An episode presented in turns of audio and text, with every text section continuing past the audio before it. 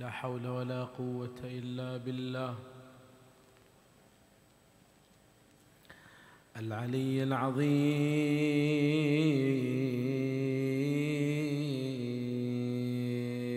إنا لله. وإنا إليه راجعون. صلى الله وسلم عليك يا سيدي ويا مولاي.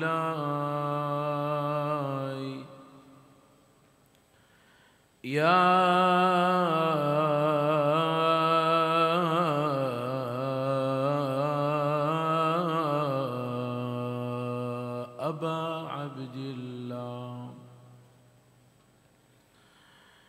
يا باب الرحمة.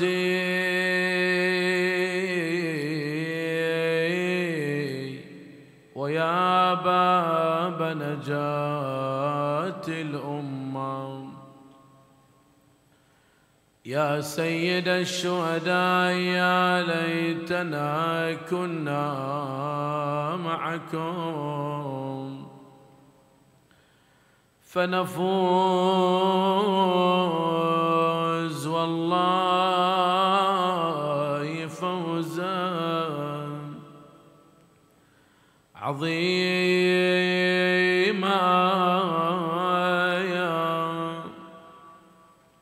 يا درة غادرت أصدافها فعلت حتى غلت ثمنا عن سائر الدرر.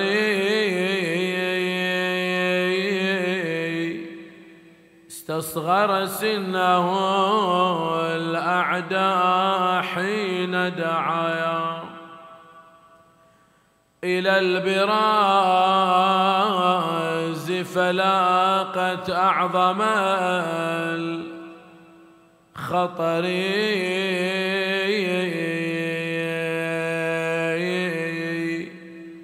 مهذب الخلق والأخلاق إن تره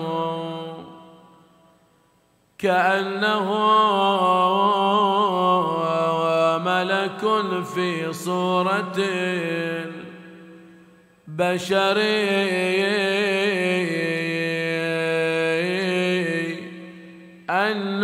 النجم فوق السماء ليست بذي صغر. وإن رأتها عيون الناس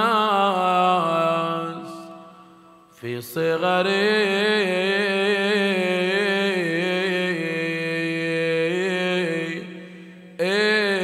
يبكيه يبكيه عمه حزنا لمصرعي. فما بكى قمر إلا على قمري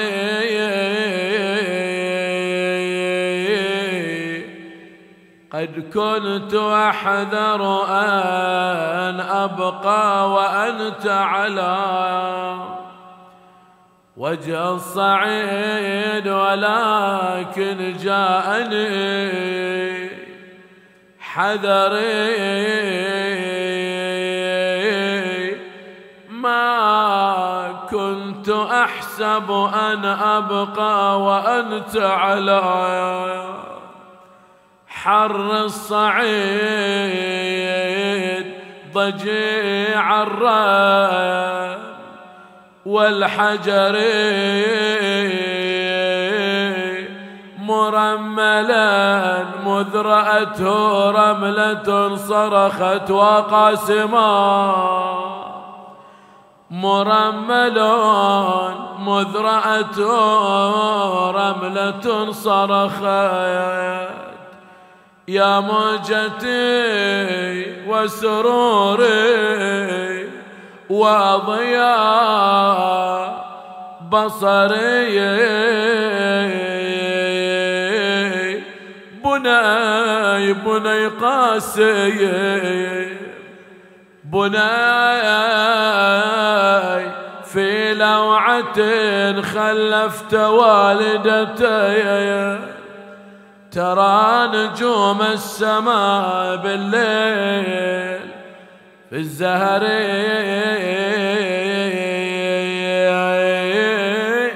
بناي بناي تقضي على شط الفرات ضمايا والماء أشربه صاف بلا كدري رمل ما بين النساء تلطم صدرها معولا ردت نزفا في الولد بوجود كل قومة وهلا. ما دريت يصير عرس ابن بوادي كربلاء يا يا وينظر بعينه على رمضة عمامه وأخوته.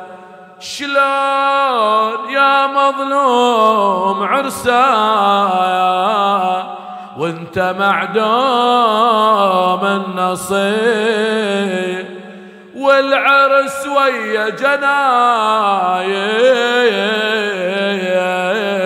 يوم واحد ما يصير. جذب حسرة وقال ندري بالولد عمره قصير. لكن ابن أمي أوصاني شلون أخلي وصيته؟ يا حسين أخر عرس جاء أسيم للمدينة حتى هلا يحضرون ويسووا الزينة يحضرون عرسه وبزفافه حايطينه. محلى العشيرة للولد لو قاموا يزفون. يقلها يا رملة إن شاء الله الجاسم بعرسه. وبخض بجفوفه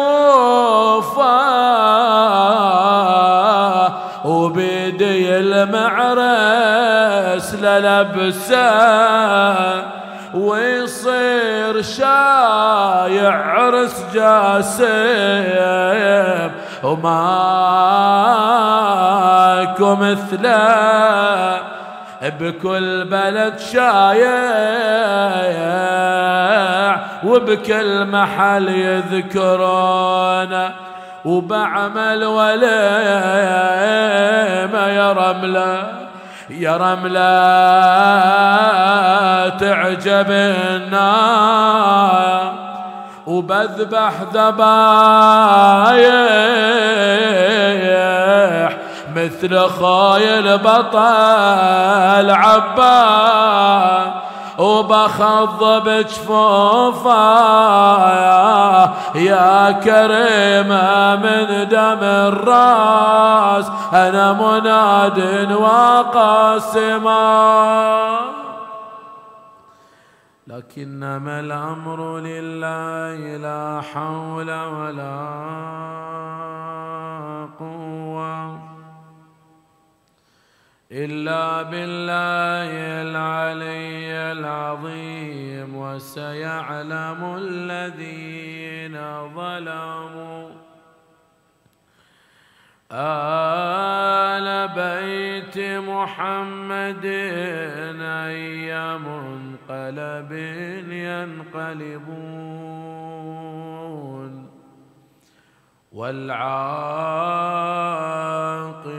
للمتقين.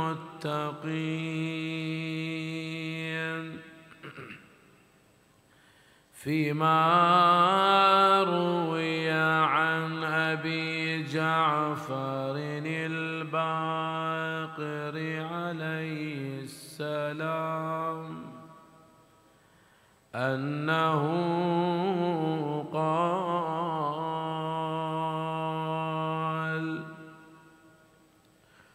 والله للذي صنع الحسن بن علي.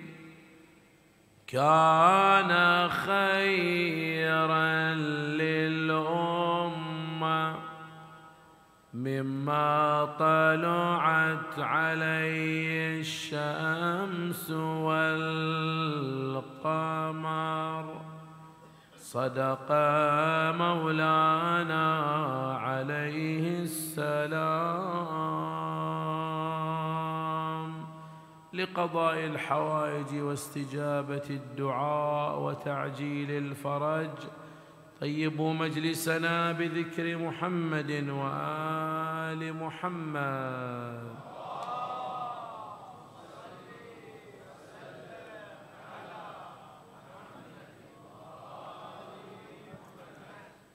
اللهم صل وسلم.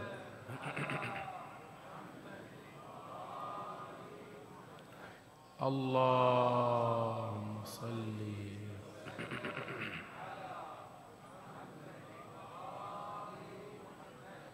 يعتبر صلح الإمام الحسن عليه السلام من أشد القضايا غموضا في تأريخ أهل البيت سلام الله عليهم. وفي تأريخ المجتمع الكوفي أو المجتمع العراقي لأنه بنظرة في مصادر المصادر الأم التي تعرضت لصلح الإمام الحسن تاريخيا. إذا نظرت في هذه المصادر ستصل إلى نقطتين سلبيتين. النقطة الأولى هو أن المجتمع الكوفي أو العراقي مجتمع متخاذل متهالك اتصف بصفة الغدر والخذلان. النتيجة الثانية هي النظرة السلبية للإمام الحسن عليه السلام. كشخصية مرتبطة بتاريخ المسلمين. لا سيما هذه النظرة السلبية ستكون عند من لا يؤمن بإمامته ولا يؤمن بعصمته ولا يؤمن بخلافته بعد أبيه ولا يؤمن بوجوب محبته كونه من أهل البيت عليهم السلام. مثل من؟ مثل المستشرقين. المستشرق ما عنده اعتقاد لكن يدرس تاريخ المسلمين يدرس الأحداث الوقائع التي حدثت ويصل إلى نتيجة تحليلية من خلال هذه الدراسات. تعال شوف المستشرقين إلى أي نتيجة وصلوا من خلال المصادر التي تحدثت عن صلح الإمام الحسن سلام الله عليه مع معاوية. وصلوا إلى هذه النتيجة أن شخصية الحسن بن علي غير جديرة أن تكون من أبناء علي بن أبي طالب. وسيتضح من خلال البحث أنه كان هناك تسييس للتاريخ في إيجاد فرق شاسع بين شخصية الإمام الحسن وبين شخصية أمير المؤمنين عليه السلام. بعدين يعقبون يقول لأنه باع الخلافة أو ترك الخلافة مقابل المال.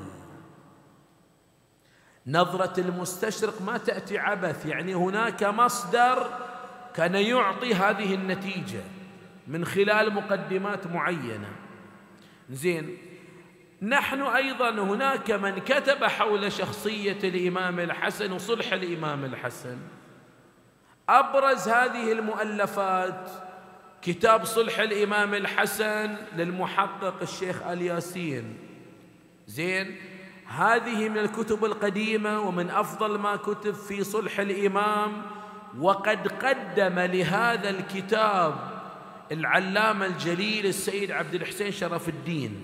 كتب مقدمة جميلة حول هذا الكتاب وحول الصلح. مثلا أعطيك اقتباسه.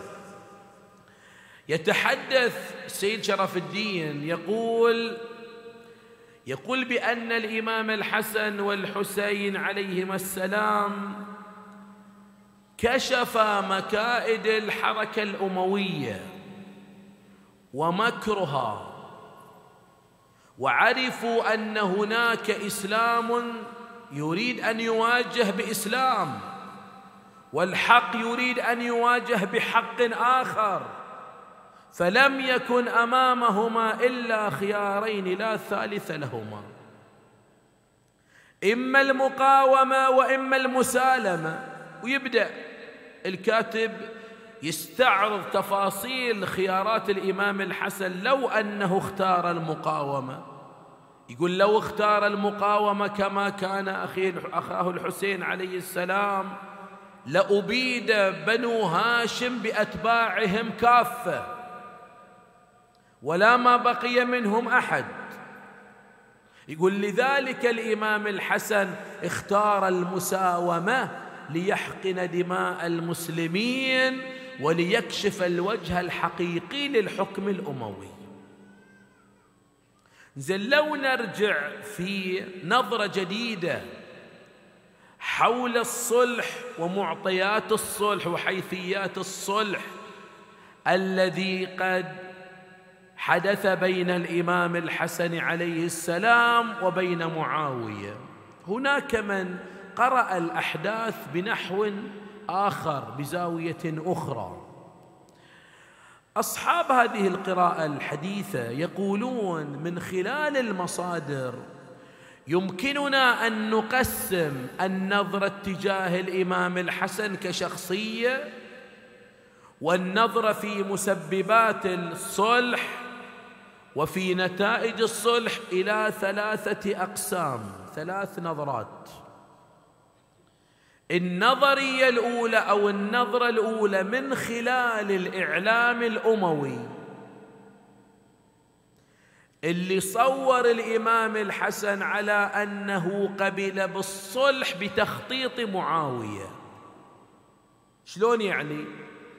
أول شيء المصادر الأموية ما تعرضت لصلح الإمام الحسن إلا من خلال فئة واحدة وهم ال يعني مجموعة من المحدثين أو المؤرخين المخضرمين الذين عاصروا جانب من الحكم الأموي وجانب من الحكم العباسي. هؤلاء جامع كتبوا حول حادثة الصلح لكن هؤلاء مصدرهم واحد أموي. وهو الزهري الزهري حتى تتعرف على منهج هذا الرجل.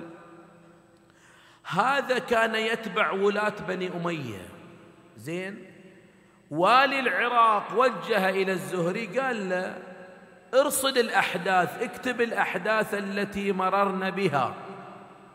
لكن بشرط أنك لا تأتي على ذكر علي بن أبي طالب إلا إذا وجدته في قعر الجحيم. وفعلا هذا الكاتب ما تجد في كتبه ذكر لأمير المؤمنين عليه السلام. إذا كان هذا هو المصدر لمن أرخ واقعة الصلح بين الإمام الحسن ومعاوية شو تصور يكون النقل؟ كيف سيكون ستكون الأمانة؟ غير يكون تأريخ مسيس؟ زين شو يقول هذا؟ يقول بأن المبتدئ بفرضية واقتراح الصلح كان معاوية هو الذي ابتدأ وهذا صحيح تاريخيا. زين. لكن ماذا قدم للإمام؟ يعني شنو اللي قدمه للإمام حتى يصالح الإمام في قباله؟ تجي للبخاري. البخاري يقول معاوية أرسل للإمام الحسن عليه السلام أنه مقابل أن تتنازل للخلافة يغدق عليه المال. وهذا التصور خاطئ. وتاريخيا يثبت أن هذا لم يكن من خيارات الإمام الحسن أصلا. زين؟ الاحتمال الآخر وهو الصحيح أن معاوية عرض على الإمام الحسن مقابل أن يوقف الحرب والمعركة أنه تنقسم الدولة الإسلامية بأي طريقة؟ بحيث أنه من بايع الإمام الحسن مثل العراق مثل المدينة وبعض المدن المسلمين هؤلاء يكونون تحت حكم الإمام الحسن عليه السلام. ومن بايع معاوية يكونون تحت حكم معاوية مثل الشام وما حولها. زين هذا العارض من قبل معاوية لم يكن الأول. هذا عرضه على أمير المؤمنين بعد قضية التحكيم. قال للإمام علي نفس هذا الاقتراح. الإمام علي رفض أصل هذا الاقتراح. المبدأ أصلا ما كان يقبل فيه. ليش؟ أول شيء فيه شق لعصا المسلمين وتقسيم للإسلام وللدولة الإسلامية وهذا يضعف الدولة الإسلامية في مواجهة العدو الخارجي. يكونون أقليات. غير أن الإمام أمير المؤمنين عليه السلام ذكر بعض الأمور التي لا تتناسب ذكرها في هذا المكان. زين؟ الإمام الحسن عليه السلام كان عنده نفس الموقف والمنهج واحد هو مشروع ابتدأه ابتدأه علي سلام الله عليه أنه أراد أن يعيد مكانة سنة النبي صلى الله عليه وآله إلى موقعها المناسب. أن تكون سنة النبي من المنبع الأصيل هي الحاكمة على إدارة دولة المسلمين هي الحاكمة على التشريع على كثير من المظاهر. تتمة المشروع. أراد الإمام أن يظهر صورة أهل البيت عليهم السلام المغيبة لا سيما عن أهل الشام. تبرز بشكل حقيقي حتى يتعرفوا على أهل البيت أنت تتصور أهل الشام سنوات طويلة. يعني مطوقين ما يستطيعون أن يتعرفوا على أهل البيت. والشواهد التاريخ التاريخية كثيرة. نعطيك شاهد واحد. يوم قتل علي وضرب في المحراب ووصل الخبر إلى أهل الشام. واحد يتكلم مع صاحبه يقول له أصلا علي صلي حتى يضرب في المحراب. شوف المستوى في التضليل. حتى تعرف الحجم الذي ظلل فيه أهل الشام. الإمام الحسن عليه السلام رفض هذا الاقتراح وهذا العرض. لكن الإمام وضع شروطا هو بنفسه لهذه المصالحة لهذا الصلح. وفاجأ معاوية من مفطر معاوية أن يقبل بهذا ولا يعترض. وضع تلك البنود أبرزها حقن دماء الشيعة لا سيما في العراق. أن لا يذكر علي بن أبي طالب إلا بخير لا يسب ولا يشتم. الأمر الثالث أنه بعد موت معاوية ترجع الخلافة إلى الإمام الحسن إذا كان موجود وإذا لم يكن موجود ترجع للإمام الحسين عليه السلام. بهذه الكيفية استطاع الإمام الحسن عليه السلام أن يحقق أهداف الصلح التي سنأتي بها في نهاية البحث. هذا النظرة الأولى النظره من خلال الإعلام الأموي. زين؟ تجي إلى النظرة الثانية من خلال الحكم العباسي. اللي وصلوا إلى هالنتيجة أن الإمام الحسن عليه السلام باع الخلافة بأموال مقابل هو أصلا بنو العباس عندهم مشكلة مع الإمام الحسن وآل الحسن ليش؟ لأن الحكم العباسي منذ بداياته يعني الثورات التي قامت ضد بنو العباس قادها آل الحسن ذرية الإمام الحسن. مثل في المدينة قامت إحدى الثورات قادها محمد بن عبد الله بن الإمام الحسن عليه السلام. تجي مثلا في البصرة أخوه إبراهيم كذلك قاد ثورة ضد الحكم العباسي وصارت مقتلة كبيرة. لذلك الحكم العباسي أبادوا عدد كبير من آل الحسن. ومن المنصور الدوانيقي منصور الدوانيقي يقولون كان عنده خزانة. خزانة مثل المكان القاعة الكبيرة اللي ما يدخلها إلا هو. ومن يسمح له؟ هذا يوم أن هلك الدوانيقي فتحوا باب الخزانة. تتصور شنو حصلوا فيها؟ رأوا فيها مجموعة كبيرة من رؤوس بشر. وضع على كل رأس خرقة قد كتب عليها اسم صاحبه. وإذا جلهم من آل الحسن. لذلك كانت ردة الفعل عند بني العباس. وأراد بنو العباس أن يحققوا أن ينالوا من آل الحسن برمزية الإمام الحسن. يسقطون رمزية الإمام الحسن. في رسالة قد كتبها المنصور الدوانيقي حول شخصية الإمام الحسن عليه السلام وأنا أعتذر لن آتي بجميع ما كتب في هذه الرسالة لأن هناك بعض العبائر لا تليق بشخص الإمام الحسن عليه السلام. لكن أعطيك بعض المقتطفات. لما يكتب عن الإمام الحسن أن هذا الرجل قد تنازل عن منصبه وعن حكمه وعن خلافته مقابل المال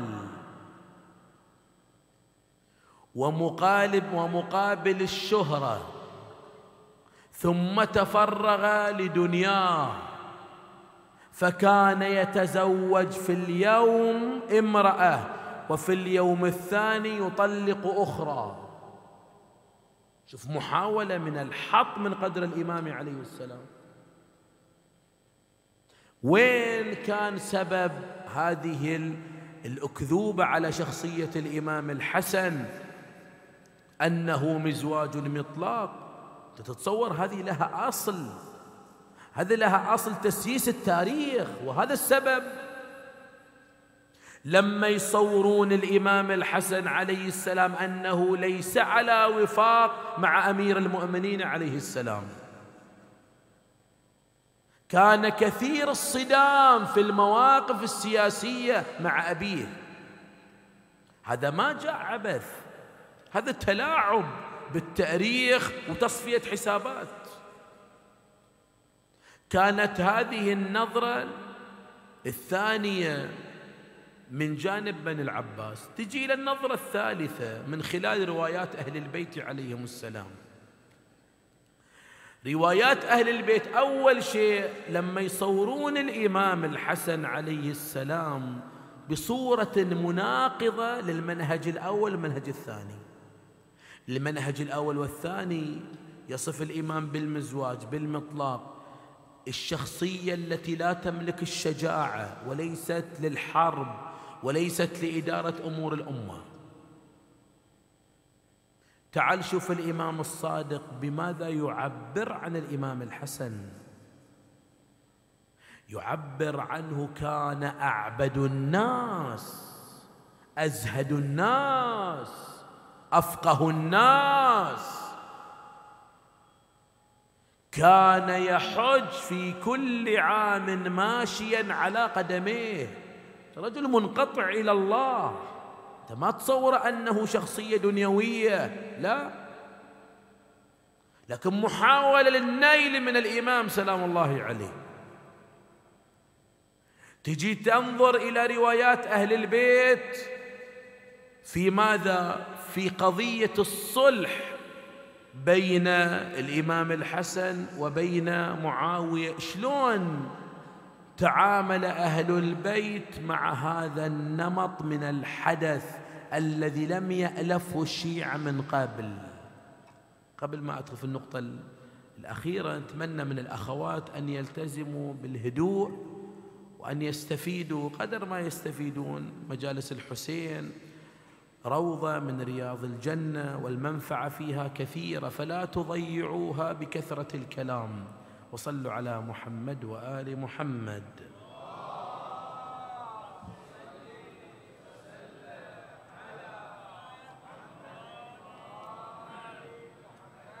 الله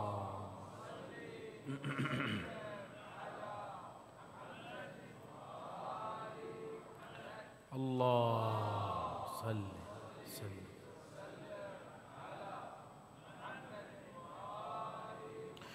ويدخل واحد على الإمام الحسن يقول له يا ابن رسول الله ما علة ما علة قبولك بالصلح مع معاوية؟ وأنت تعرف من معاوية ونحن نعرف من أنت. قال له هي نفس الغاية التي قبل النبي بالصلح مع قريش في الحديبية. شوف الإمام يأصل حق هذا الحدث. الإمام يريد أن يقول لك ترى هذا مو أول صورة لهذا الحدث. لقد سبقه النبي صلى الله عليه وآله. والارجع إلى صلح الحديبية. صلح الحديبية النبي تعرض لنفس المواقف التي تعرض لها الإمام الحسن من قبل المعارضة من بعض أصحابه. دخلوا على النبي. في حالة غضب. ليش قبلت بالصلح؟ ليش صالحت قريش؟ لا سيما أن النبي كان في مصدر قوة. والنبي كان ينظر إلى أمر أبعد.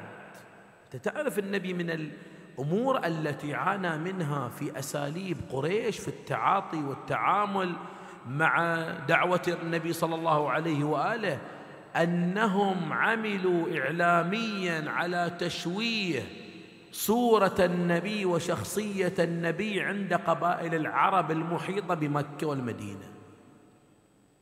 لذلك كانوا لا يقبلون أصلا حتى يجلسون مع رسول الله. النبي يوم قبل بالصلح وعمل بالصلح في الحديبية خلال سنتين ثلاث سنوات دخل جمع كبير من تلك القبائل في الإسلام. كانوا يشيعون على النبي أنه رجل حارب سفاك الدماء يريد أن يتسلط على قبائل العرب وأن يتزعمهم. بالصلح النبي استطاع بعض أصحابه أنهم يدخلون إلى مكة يلتقون بالحجيج يعرضون عليهم القرآن الكريم. الإمام الحسن عليه السلام كان من غاياته أن يخترق حجاز اللي يمنعه من أن يصل إلى أهل الشام ويعرفهم بأهل البيت حق المعرفة. هذا الصلح فتح باب للأئمة من بعد الإمام الحسن عليه السلام.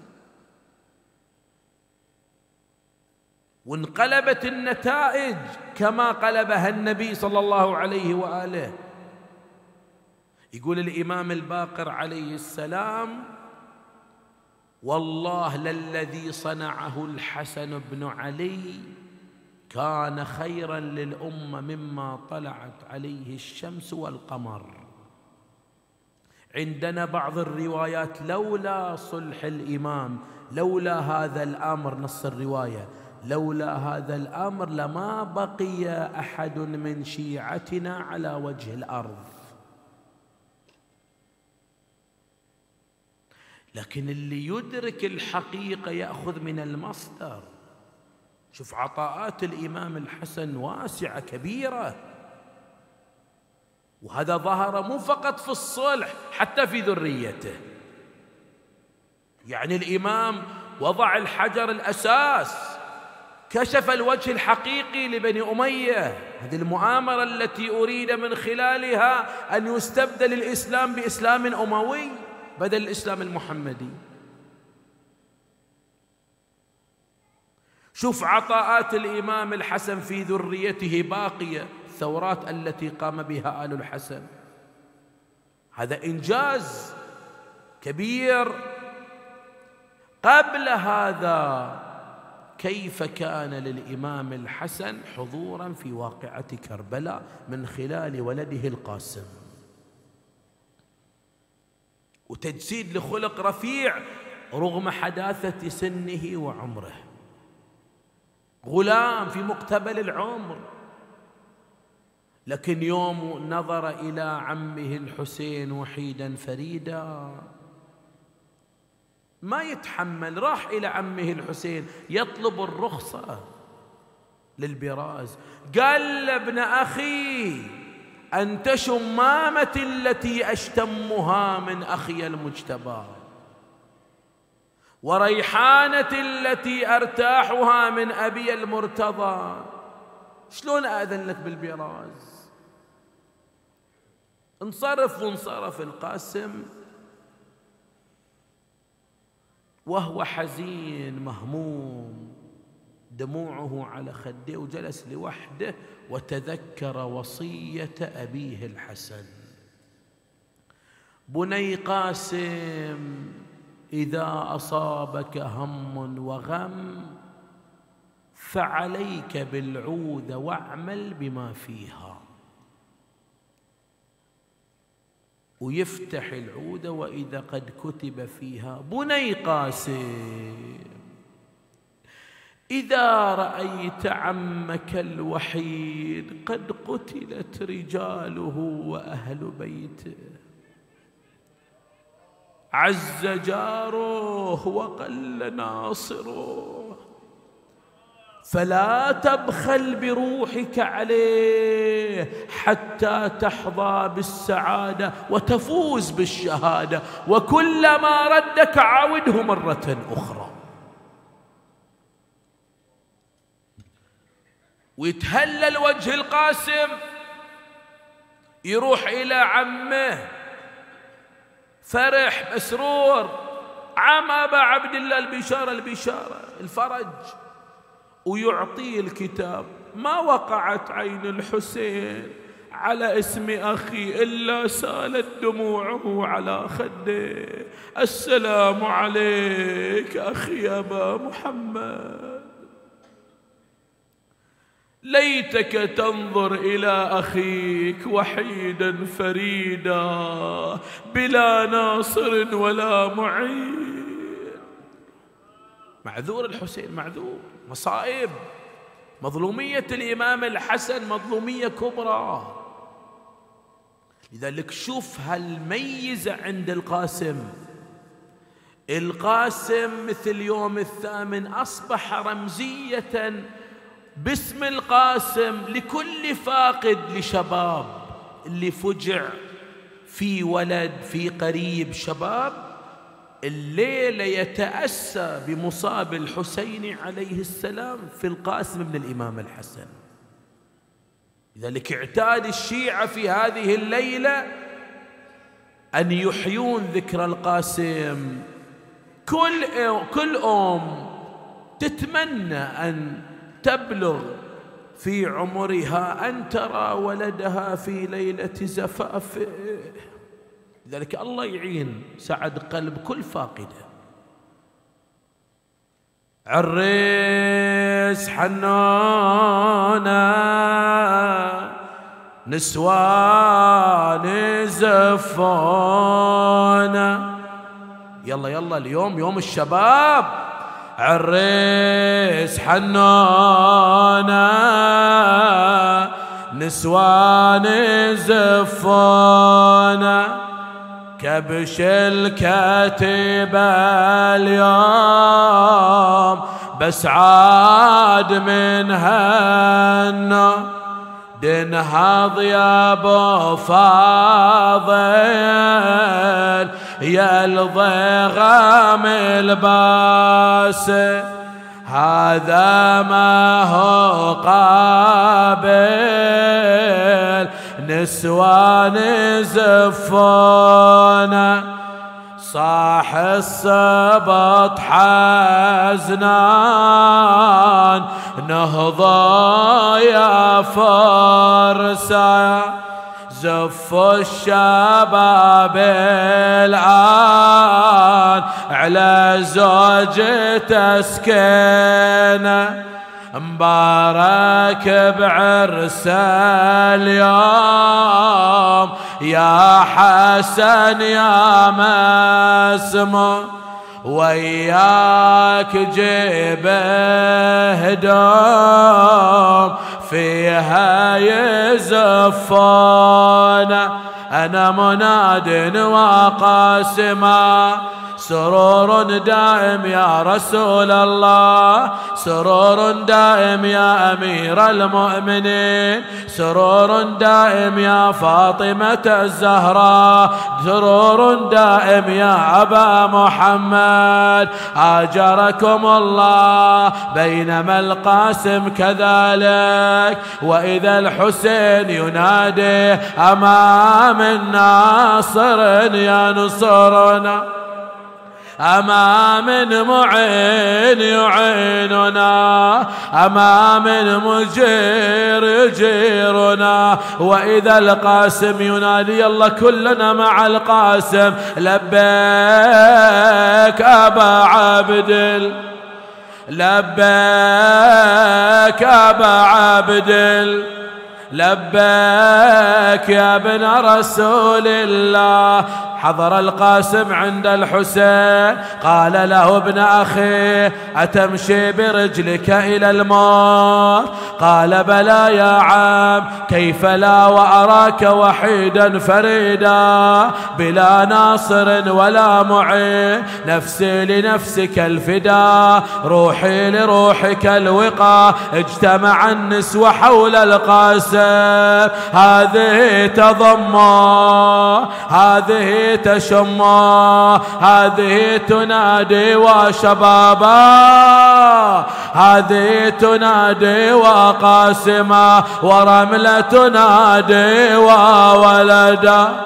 آجركم الله برز إلى المعركة وهو يرتجز ويقول إن تنكروني فأنا شبل الحسن سبط النبي المصطفى والمؤتمن. هذا حسين كالأسير المرتهن قاتل قتال الأبطال على صغر سنه. يا الله بينما القاسم يقال قاتل إذ انقطع شسع نعله يا الله بينما هو كذلك يريد أن يصلح نعله كمن له لعين شاهرا سيفا فاتحا باعا. يا علي يا علي يا فاطمة الزهراء وضرب القاسم على رأسه. أين المنادي وقاسما وسيدا؟ سقط الغلام على الأرض وهو ينادي أدركني أبي يا حسين. جاء الحسين مسرعا. وقف على جسد الغلام وهو يفحص بقدمه. والحسين يبكي. عز على عم كان تدعو فلا يجيب. أو يجيبك فلا ينفعك صوت كثر واترا وقل ناصرا أنا مناد وحسينا يقول حميد بن مسلم رأيت الحسين يحمل جسد القاسم لكن يقول استغربت رأيت قدمي القاسم تخطان في الأرض فقلت عجب سبحان الله. أطول في القاسم أم قصر في الحسين؟ يقول دققت النظر وإذا ظهر الحسين منحنى.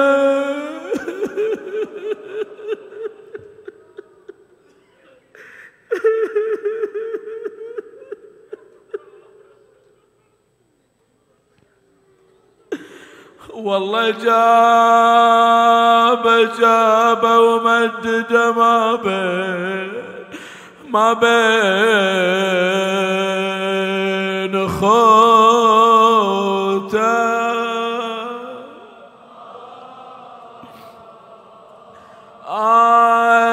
يا بتعدهم يا ويلي وهم موته. يا ويلي بس ما سمع عن النسوان النسوان صوتا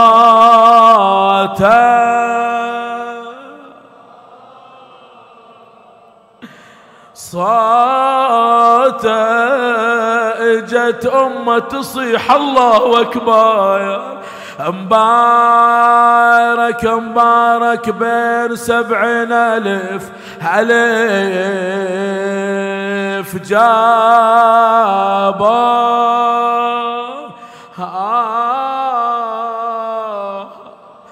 جابك بدال الشمع بالنشاب زفوك يا ويلي عن الحنة بدم الراس الراس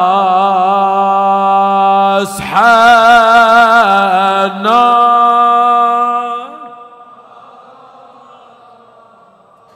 ولا مال ولا مال ولا مال ردتك ما رد الدنيا.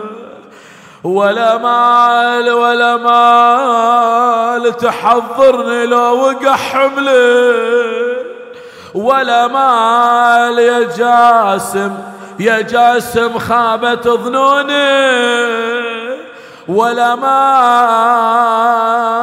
يا ابني وقت الشدد قطعت بيا هي وقت الشدد يا ابني قطعت